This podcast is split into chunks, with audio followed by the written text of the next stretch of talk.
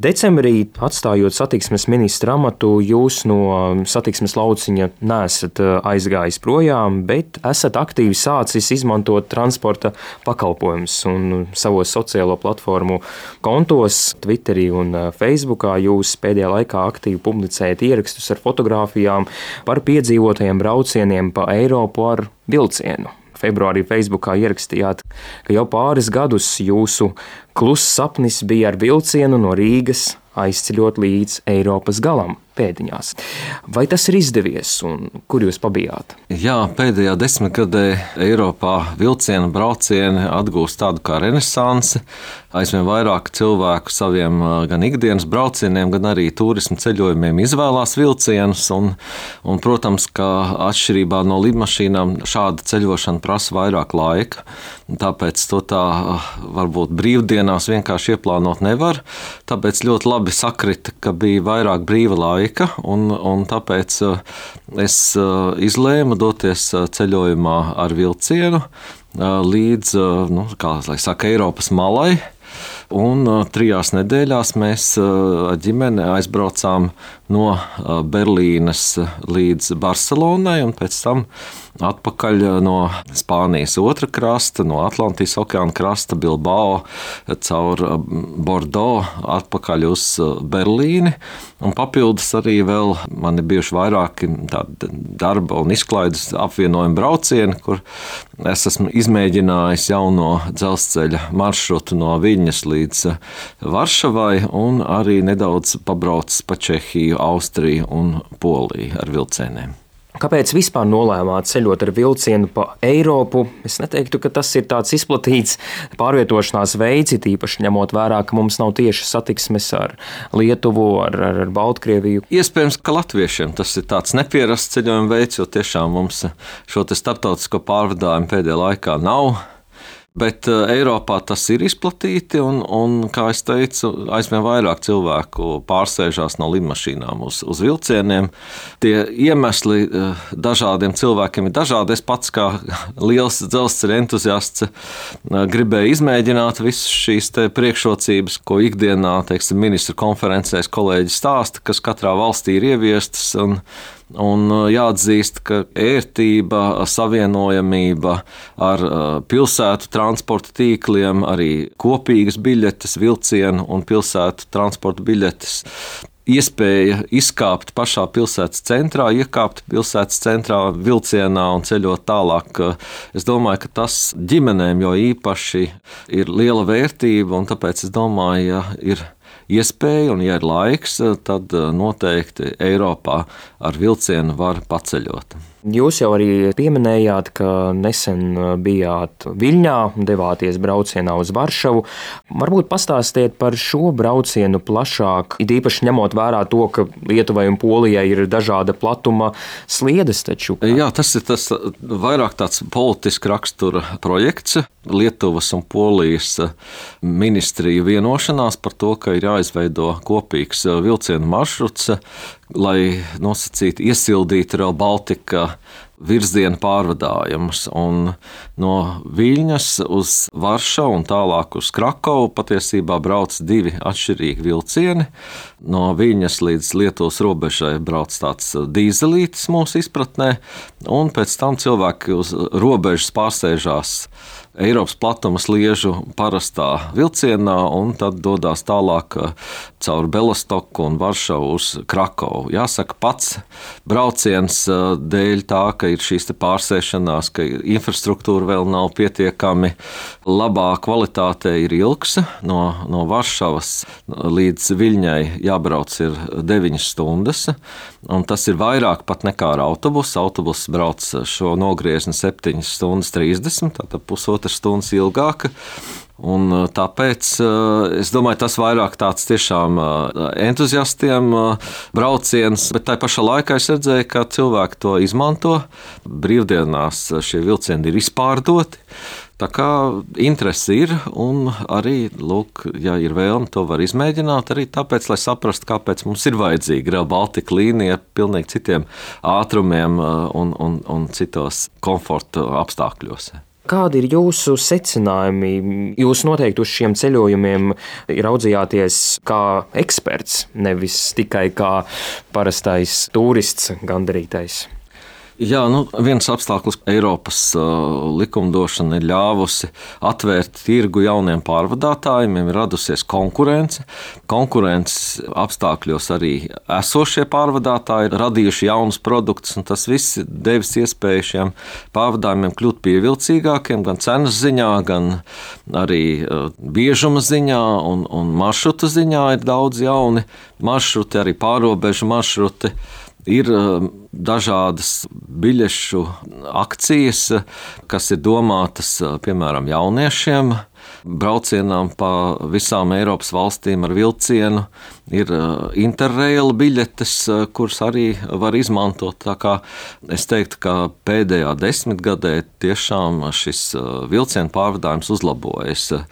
Šī situācija, protams, atšķirās no valsts uz valsti. Jā. Francija, Spānija, Čehija varētu būt tādas pirmrinnieces, kur šie vilcienu pārvadājumi tieši konkurences apstākļu dēļ ir pieauguši ļoti strauji. Tad tepat mūsu kaimiņa Polija vēl joprojām ir nosacīts slēgts tirgus, kur pamatā strādā tikai polijas pārvadātājs. Tur vēl ir iespēja izaugsmē, ja mēs skatāmies pārvadāto pasažieru skaitu pret iedzīvotāju skaitu un arī pret līniju kopgarumu. Ja mēs salīdzinām mūsu dzelzceļa satiksmi ar uh, citu Eiropas valstu dzelzceļa satiksmi, kāda tā ir, kur mēs atpaliekam, vai varbūt mēs arī kaut kādā ziņā esam arī priekšā citām valstīm?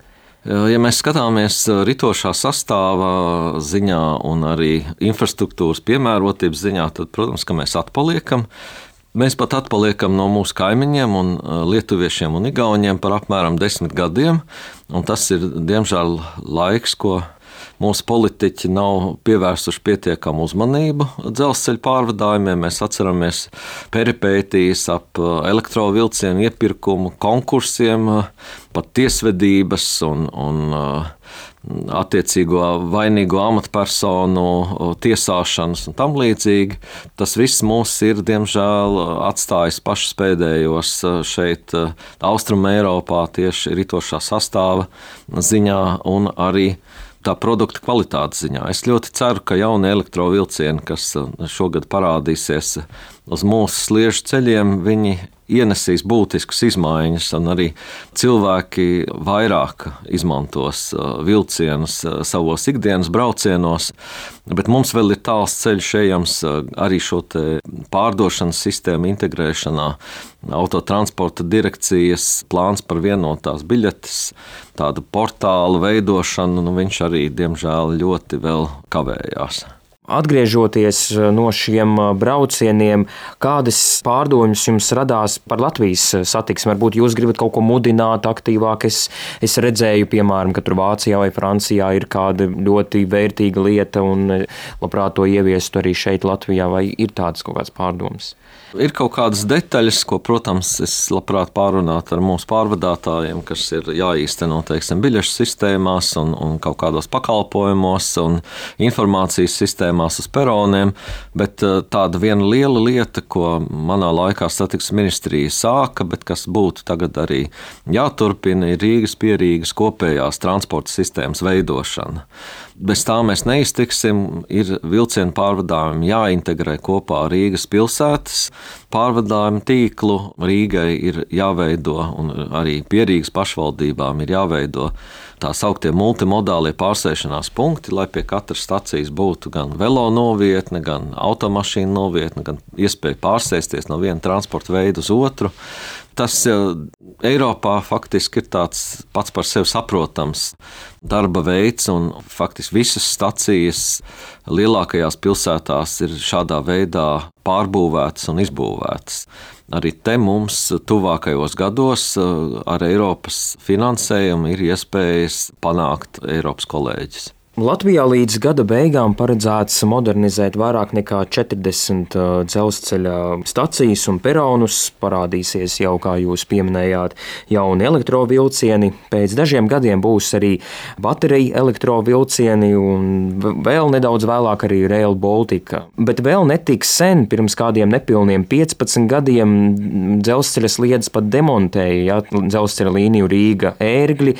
Tagad visi aktīvi rosās pat grasās elektrificēt līniju uz Bolderāju. Kāpēc tas viss notiek? No vienas puses, tā ir Eiropas Savienības kopējā politika, virziens uz zaļo kursu, un vilcienu pārvadājumi ir vieni no efektīvākajiem. Ja mēs skatāmies, kā lielas cilvēku masas pārvietot no viena punkta uz otru, tad eh, no emisiju viedokļa braucieni ar vilcienu, tieši ar elektrovilcienu, ir vispareizākais risinājums. No otras puses, elektrovilcieni kā jau teicu, bija tāda aizmirsta lieta Latvijā. Tikai tāpēc, ka tas pakalpojums bija tādā pietiekami zemā kvalitātē, cilvēki vairāk izvēlas uz darbu braukt ar mašīnu. Es domāju, ja tā pārvadājuma intensitāte pieaugs, tad arī šie paaugstinātie peroni, kas ļaus māmiņām ar bērniem un vecākiem cilvēkiem daudz ērtāk iekāpt uh, vilcienā, arī šīs jaunās iespējas pierīgas zonā izmantot uh, bateriju vilcienus, Bolderājas, Rīgas, Siguldas maršrutā. Tas viss dos tādu otro elpu. Ja mēs tā no šodienas perspektīvas skatītos, nedz Rīgas limbažu līniju vajadzēja slēgt, nedz ērgļu līniju un arī Liepājas pusē vaņodas priekulas virziens nu, varēja būt tas, kas ir saglabājams un, un mūsdienās izmantojams. Bet, nu, diemžēl tādi lēmumi pieņemti. Vai mums vajadzētu atjaunot tās likvidētās dzelzceļa līnijas, varbūt no jauna būvēt? Viss, kā saka, atdurās pret finansēm. Dzelzceļa sistēmas uzturēšana un arī modernizēšana jau pati par sevi prasa ļoti liels līdzekļus. Tāpēc es nedomāju, domāju, ka pārskatāmā nākotnē mēs varēsim vēl kādu dzelzceļa līniju bez Rail Baltica.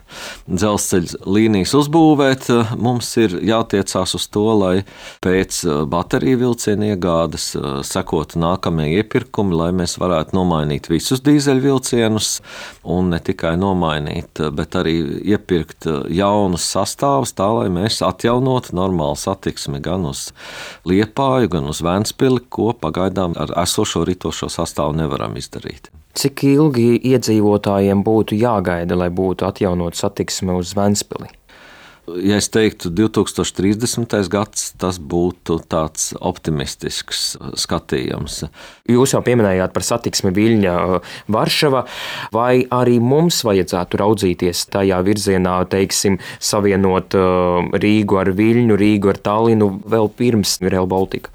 Starpvaldību sarunās mēs no savas puses esam piedāvājuši, ka latviešu pārvadātājs pasažieru vilciens varētu braukt uz Tartu. Tāpat mūsu interese ir atjaunot pārvadājumus Mažēķu Rīgas līnijā. Tur mēs labprāt redzētu, ka lietuvieši ar savu ritošo sastāvu brauktu nu, vismaz no Mažēķiem līdz Jelgavai un Šauļiem, tā, veidojot tādu kā trīsstūri. Ir uh, lietuviešu piedāvājums, uh, kas ir gan stipri finansiāli dārgs, ka lietuvieši varētu braukt no Viņas uz Rīgu ar vilcienu. Tā tādi piedāvājumi ik pa laikam parādās. Lietuvieši mēģinājuši braukt līnijā Viņa Daugopilsa ar mainīgām sekmēm. Ļoti ceru, ka Covid ir beidzies, ka šie pārvadājumi tiks atjaunot. Domāju, ka tuvākajos gados kāds no šiem projektiem varētu tikt īstenots. Mums daudzus gadus bija satiksme ar Krieviju, ar Baltkrieviju. Arī pēdējos gados kursēja vilciens četras galvaspilsētas, ja nemaldos tā, to dēvēja Rīga, Viļņa, Minska, Kīva. Um, neviens no šiem tagad vairs neeksistē. Vai jūs prāt, to vajadzētu atjaunot un kādu no šiem? Diemžēl šobrīd notiek karš Ukrainā, kurā ir iesaistītas mūsu kaimiņu valstis Krievija un Baltkrievija. Un kamēr šis karš nebeigsies, tikmēr mēs nevaram runāt par tādu nopietnu satiksmi. Kādi atsevišķi autobusi kursē gan uz Minsku, gan uz Maskavu, bet es neredzu iespēju, ka pirms kara darbības beigām šeit eh, būtu kādas būtiskas izmaiņas. Ja mums kaimiņos ir valstis, ar kurām mēs varam labi sadarboties, tad eh, Protams, ka tur ir liels pārvadājuma potenciāls dažādiem transporta veidiem, tā skaitā arī vilcienu pārvadājumiem. Ja kāds klausītājs pēc šīs intervijas arī vēlēsies līdzīgi kā jūs paceļot ar vilcienu pa Eiropu, varbūt ir kādi ieteikumi, kas būtu jāņem vērā. Agrāk jūs pērkat biļeti, jo lētāk, un attiecīgi jo vēlāk, jo dārgāk. Tālsatiksmes vilcienos Eiropā ir nepieciešama vietas rezervēšana, Arī ceļojuma apdrošināšana ir vajadzīga, jo mēs redzam, notiek streiki, dažādi negadījumi. Ir privātie pārvadātāji, kuri negarantē, ka tas vilciens tiešām arī noteiktajā laikā atnāks ieteiktu analizēt eh, dažādus eh, braukšanas maršrutus, salīdzināt cenas pirms iegādāties, jo Eiropā vilcienu pārvadājumos, tāpat kā avio pārvadājumos, ir konkurence. Bieži vien vienā un tajā pašā maršrutā brauc vairāku pārvadātāju vilcieni, un arī pat eh, dažādas biļešu tirzniecības platformas piedāvā uz vienu un to pašu vilcienu dažādas cenas. Man, piemēram, izdevās vienu Vācijas brauciena maršrutu Francijas biļešu vietnē nopirkt lētāk nekā pašā Vācijā.